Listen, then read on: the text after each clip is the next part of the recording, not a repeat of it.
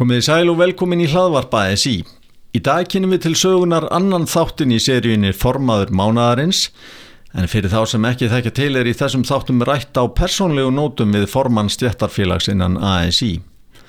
Haldóra Sigriður Svensdóttir er formaður Bárunar á Salfossi en félagsvæðið þess næri yfir árnarsýslu utan Ölfus. Haldóra, velkomin hingað. Þú ólst upp í Þólasöfn, er ekki hægt að segja að það hefði gert með, með vindi í hári og salt í andlitinu? Já, það má kannski segja það en, en, en það hefur nú breyst mikið þar og við erum mjög viðkvæm fyrir þessar umræðu að það sé róki í þólasöfn. Það er nú bara komið vísir af, af skógi á þólasafnasandinum og, og hérna þegar ég ólst upp, það var alveg rétt að þá var, gáttu við skrifað í glukkakistunar við vorum að æfa okkur að skrifa stafina það var svo mikil sandur alls þar en það er nú aldrei spreytt og í dag er þetta nú bara hamingju bærin Já, hamingju bæri, akkur, segir það? Heyrðu, við eigum svo flotta listamenn, Jónas Sigursson hefur, hefur talað um hamingjuna í þálasöfn og, og þetta er rosalega gott samfélag og hefur alltaf verið. Ég hef hvergi búið í rauninni annar staðnum í Reykjavík þegar ég var að nema í Vestlunarskóla Íslands og, og hef aldrei einhvern veginn vilja að fara það því að þetta er svona, svona náið samfélag sem að hefur alltaf stutt við bakið á öllum þegar eitthvað kemur upp á. Náttúrun er við bæjadýrnar hjá manni og sjórin er eiginlega bara, maður horfir á hann út um eldursklugan þannig að er, meðan er ekki til betri stað þá er engin ástæða til að flytja sig eitthvað annað. Mm -hmm. Farða það eins í gegnum fyrstu árin þín já, svona eftir að ferða að muna eftir þér Já, það, þá var, var það bara þannig í, í þólasöfni eins og hún var að þá voru við börnin bara í öllum húsum og allir voru saman, það var mikil vinna Fóreldramanns unnu bara meðan að einhver fiskur kom að landi og við vorum bara svolítið að leika okkur sjálf og aða leiksvæði mitt var Bryggjan. Þar voru við alla daga og var svo sem ekki mikið verið að setja út á það og, og við vorum svona alltaf svona einhver starf rétt hjá fóröldrum okkar og heimsóttum þau í vinnuna og okkur leið óskaplega vel. E, svo byrjaði maður alltaf í skóla og þar hafði maður nú sama kennaran allan, allan barnaskólan í, í, í barnaskóla þólasafna sem hétt þá og hann heitir Vernarlinn Nettjassisti og það eru mikið góða minningar og, og mikið gert og hann ól mikið upp í okkur að, að standa upp og halda ræður og vera í ræðukeppnum og, og þetta er nú svona með sterkari minningu sem hann hefur úr, úr skólanum og hann fylgd okkur alla tíð og gárungarnir segja að hann hafi alveg upp heilan hérna bekka kommunistum og, og ég hef svo sem aldrei geta svara því almennilega nema því leitinu til að ég held að við höfum verið flest orðið svolítið vinstri sinnu bekkjafélaga mínir. Mm -hmm. sem, að, sem að hann kendi hann sagði við okkur að til dæmis þegar hann kendi okkur kristifræði þá sagði hann sko þið ráði hvort þið trúið þessu krakkar, ég gerði það ekki. Þetta var hans innleggi í kennsluna og, og okkur þótti bara mjög eðlert að hann hefði skoðun á þessu og, og við svo svo spáðum ekki meiri í það mm -hmm. Hvernig er þetta fætt? 1960 mm -hmm. Og þú, þú sagði mér að, að þú hefðir sem barnað aldrei verið að leika þér að því að einna að, að, að skoða eh, ljósin á bátunum þegar voru að koma inn í höfnina og hvort þú þekktir þekktir bátana eftir ljós, ljósinu.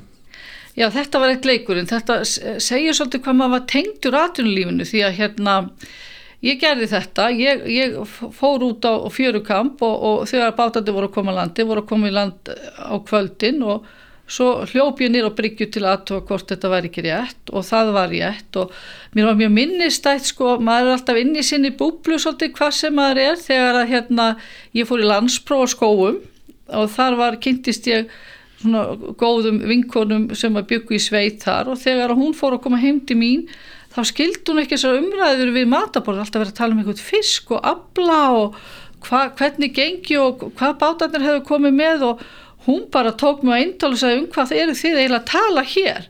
Og þá áttaði ég á því að, hérna, að þetta var nú kannski ekki alheimurinn sko en, en enga síður að þá sakna ég þess í dag að það er engin svona það sem að maður gæti farið og hitt fólk og þá var alltaf verið að bá í hvernig gengi hver er aflahæðstur og eitthvað svona Núna er þetta náttúrulega bara liðin tíð, kvótin hefur gert það og, og, og núna er í þólasöf bara meira orðið fiskaldi, það er mjög vaksandi atvinnugrein í, í þorpinu, en þetta hefur breyst, en það er ekki svona einhvern veginn svona sameilegu taktur í þorpinu varðandi atvinnumálun eins og var. Mm -hmm. Þú væntilega byrjaði unga að vinna og þá í fiski væntilega? Já, sko, ég var bara mjög lítil og ég var að reyna að reyfja þau upp sjálf þegar ég fór svona að velta þessu fyrir mér, ég var náði ekki upp í síldatunurnar þegar ég fór að hjálpa mömmu að henda síldinu honni í tunurnar og, og svo byrjaði maður alltaf, skólinn var alltaf búin fyrsta mæ, það var svolítið verið að miða við atunlífi, þá var vertíð og vertíð og lók voru 11. mæ og þá fóð maður bara og vann frá 8 til 11, frá 12 ára aldrei og, og þetta var bara alveg rosalega skemmtilegu tími svo var, svo var maður að sagt, þurka fiskinn svo eftir vertíðina og, og vann bara þangti skólinn byrjaði aftur. Og í minningunni er þetta voru þetta bara dásalega skemmtilegi tíma, það var alltaf eitthvað fjör hjá okkur krakkonum og við gerðum alltaf eitthvað skemmtilegt í fiskhúsunum.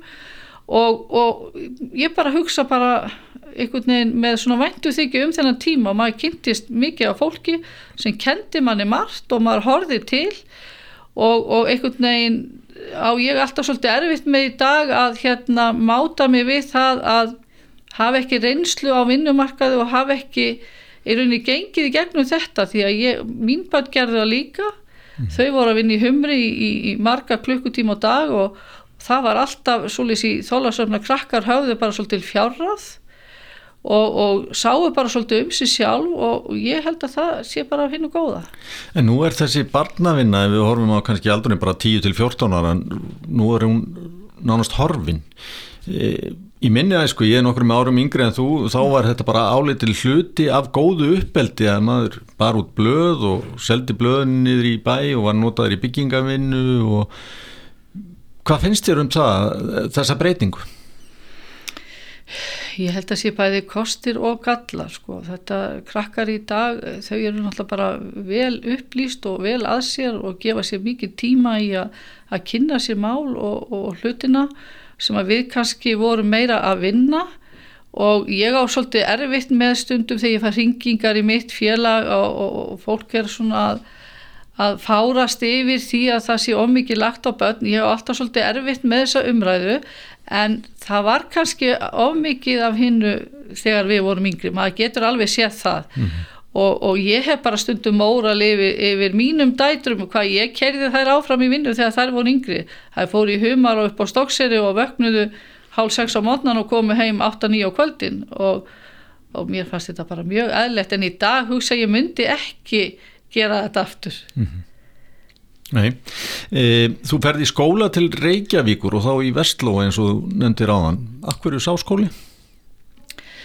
Heyrðu, það var nú bara þannig að við vorum svona velta þessu fyrir okkur vinkonurnar. Ég fór nefnilega eina mínu vinkonum í, á skóaskóla. Ég, það var keirt úr þólasöfn í hveragerði og ég gæti ekki hugsa mér að vera í ísköldri rútu á mótnan. Þannig ég var bara eina mínu vinkonu sem fór í, í skóaskóla og tók landspróf þar og þær í hveragerði.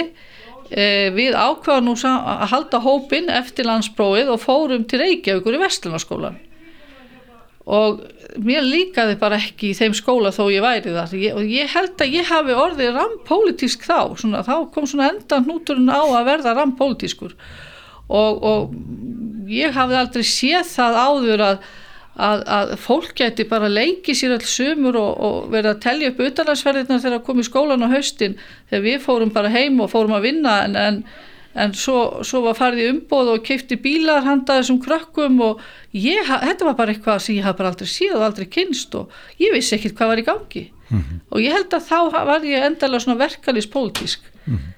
Talandu um það, þú verður formaður bárunar 2010 eh, hvernig var hérna svona atvinnum ferillin, ef við byrjum þar hvernig var atvinnum ferillin fram að því? Heyrðu, ég, ég hérna uh, var bæði vann hjá Glettingi í Þálasöp sem þá var með 250 uh, manns í vinnu bæði sérst, á, í, á sjó og í landi. Uh, ég hafði rekið vestlun með vinkonu minni þar sem við vorum með skólavöru, við heldum námskeið og gerðum ímislegt skemmtilegt. Ég hafði unnið í, í, í fiski, ég hafði unnið í þrifum og þegar ég var á skrifstofinni þá vann ég í fiskhúsi á kvöldunum helgar þannig að, að ég hafi prófað svo sem svona flest allt sem kemur að þessu störfum sem voru til bóða í þólasöfn á þeim árum og, og hérna ég var sérsagt á tímamótum og, og ákvað það breytum umhverfi og fer á Selfoss og bara náttúrulega panta mér bara viðtali á vinnumálastofnum sko. Og mér var bara bóðið vinna þar þannig að ég komst aldrei lengra. Það var Svafa Stefánsson fórstöðum að þá og hann þekkti mig.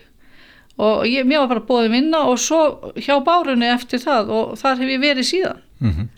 Þú byrjaði bara sem óbreyttu starfsmæður á, á skrifstofu bárunar Já. hvernig axlaðist það að þú endar svo sem formaður?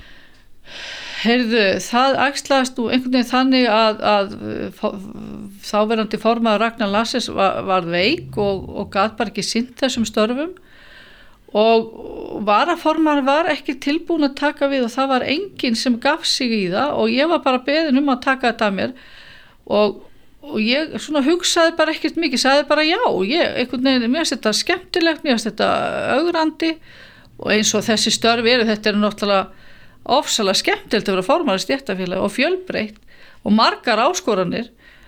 En ég gerði mig samt ekki grein fyrir því hvað þetta er viða mikið en, en, en náttúrulega bara skemmtilega því að ég er alltaf e e eitthvað nýtt, það hrýfur mig alltaf og, og ég er mjög hrifuna með að kemur eitthvað nýtt og augrandi og verð nú stundum bara hreinlega sko, að sofa tvær nætur og ná mig niður sko því að mér erst allt nýtt spennandi þannig að ég sé ekki eftir þessar ákvörðun mm -hmm. og hef, mér hefur fundist þetta bara áhugavert og maður kynnist góðu fólki því að í verkefnisengunni almennt er gott fólk. Hver eru svona helstu verkefnin hjá ykkur bara, ef við lítum bara á þessar vikurnar eða mánuðina?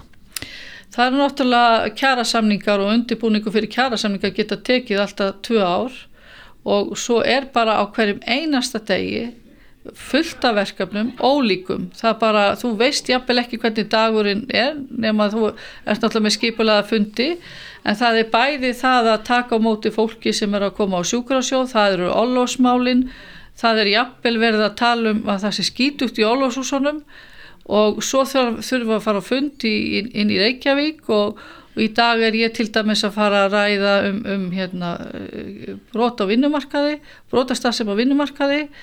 Uh, það átt að vera fundur hjá landsvirkjum út af kjærasamlingum í dag sem var feldur niður. Þetta, þannig þú veist í rauninu aldrei hvernig vikan verður og kjærasamlingar hafa tekið alveg ótrúlega langan tíma á þessu ári og, og við erum ekki fann að sjá fyrir endan á því strax. E, fjölskyldanin, þú ert búin að segja okkur að þú eigir dætur. Já. Farða aðeins nánar í fjölskyldumálin. Já, e, sem sagt ég og maður minn, hann kemur úr Grímsnesinu, við eigum við þrjá dætur og eins og vinkonum minn sagði þá dreif ég það af á fjórum árum. Og fættar 83, 85 og 87 og hérna þær fóru sér til í, í þólásöp þurfa þau að fara í hérna fjölbrytaskóla á Selfossi og svo fór það til Reykjavíkur í nám og, og einn býr nú í Þorlásöfn núna, einn á Selfossi og einn í, í Reykjavík og gengur bara vel og þær eru svona við tökum stöðuna meðgöndan á öllum þjóðmálum sem að, sem að koma upp á borðið í, í það og það skipti og, og hérna þær hafa miklar taugar til hérna staðarins þar sem eru aldar upp og eru mikið hjá okkur í frítíma og, og og maður er bara tólta ánæði með það og einn sagt, flutti tilbaka úr Reykjavík og býr við hliðin á mér mm -hmm. í, í parhúsi sem við byggðum hjónin og hún keipti annað þannig að þetta eru bara forréttindi og fimm barnabönn og það er alveg nóg að gera í því mm -hmm. og eiginlega bara skemmtilegst hlutverk sem ég fengi í lífinu En hvað þegar þú vart ekki að, að vinna og ekki að sinna fjölskyldunni hvað gerir Halldóra þá? Halldóra hefur rosalega gaman að því að, að lappa í nærum hverjunu og fara að sjónum og ná sér í orku lappa á fjöll og bara lappa almennt séð. Og ég gerir mikið að því og við löpum til dæmis alltaf á laugatas og srundasmotnum fjórar konur klukkan tíu á mótnana og þá er nú tekið staðan á allri vikunni þannig að maður getur vel blásið út þar og mjög skemmtilegar göngur og alveg bráðnöðsilegar svo fer ég jafnvel setni partinn aftur Eh, norrannar sakamálasögur og bara sakamálasögur almennt séð, ég, ég dyrka þær og ég gleymi mig svolítið í því þá fer ég að reyna að pæli í því hvað hver, hver er morðingin eða hvernig niðurstaðan verður og ég elska þetta og alveg eh, fer mikið á dön, dönsku stöðina DR31 og horfi á myndir þaðan og þetta er svolítið mín slökun Lestu mikið? Ég, ég, gerir, ég er náttúrulega er að lesa í vinnunni alla daginn en ég er með svona hljóðbækur í bílum ég keiri svo mikið þannig ég er með hljóðbækur í bílum en ég á daldi erfitt með að lesa þetta svolítið á nefið á mér bækur á, á kvöldin. Þannig að ég í rauninni les ekki, ég horfi frekar á einhverja sakamála þætti á hann ég fyrir að sofa en ég hlusta á sögur í bílum Mm -hmm. aðeins að, að bucketlistan með svona, hvaða, hvaða drauma áttu ef þú lítur til næstu fimm ára? Er það eitthvað sem að þú átt eftir að gera eða prófa sem að sem að þú verður að hérna, prófa? Sko ég á eftir að fá til kúpu það er það sem ég á eftir. Og ég hef alltaf sagt öllum það. Það á ég eftir og hef einhvern veginn ekki gert það ég á eftir að gera það en ég hef búin að hugsa svolítið um þetta að maður sé stattur þar að einhverju draumar, ég er bara ég er svo raunsæ að ég einhvern veginn ég er bara stödd einhvern veginn á ágættu stað og ég hef til dæla sátt við lífið og tilveruna og mér finnst ég vera bara heppin með það og svona flestir draumar mínir hafa bara ræst held ég. Ég, ég held það, ég hef alltaf viljað einhvern veginn á skoðunar mín að kæmust svona eitthvað á framfæri og, og, og það hefur nú bara gengið ágætlega að vinna inn að verkefælisauðingarinn og er bara alveg drauma staða að fá að gera. Mm -hmm. Mér heyrist á þér að, að Þorlásátt sé besti staður í heimi. Já Það er ekki vafamál. Nei, en, en hvernig er það? Þorlásátt fellur utan félagsvæði bárunar en Já. en það er ekki, ekki neitt sem að þið langar til að breyta? Jú, en, en það var bara of seint. Ég kem inn í þetta eftir að það gerðist. Hvernig gerist það? Það gerist bara þannig að Þórður Ólason, þáverandi formaður, hann og, og, og stjórnbóðans horfi bara til Reykjavíkur og það er svolítið út á landi svona þessi, þessi rígur, sko, þessi repparígur og að Selfoss gleipi allt, þetta, þetta er bara svona allstaðar út á landi. En þetta held ég að fari nú með næstu kynnslóð Uh, þegar að við á fyrstu árun við Þólasöfn komu alltaf hérna kaufil ánæsíka með vörun í Þólasöfn og Gárugöndi sögðu alltaf þeir komu með dagskömmul brauð í Þólasöfn og það var það sem að heyrði svona rökin á móti því að fara á Selfoss. Það komst aldrei einn umræði í gang. Svo var bara búið að samþykja þetta en fólk er kannski kvarta yfir þessi dag en en það er náttúrulega bara, þetta er bara hlut af eflingu og það var bara ákvörðun þess tíma og, og hún stendur. Mm -hmm. e, Er lífið gott? Já, það er gott Og ekkert meir um það að segja í sjálfsir? Nei, það er bara maður verður að spila úr því sem maður hefur og reyna að finna jákvæði punktan í lífinu, það er bara mitt motto Og þú horfir alltaf á björtu einhvern Ég reyna að gera það að horfa björtuliðarnar og reyna að líta á allt sem tækifæri til breytinga ef eitthvað kemur upp á neikvægt. Haldóra Sigriður Sveinstóttir formaði stjættafélagsins Bárunar á Suðurlandi. Takk fyrir komuna. Já, takk fyrir mig.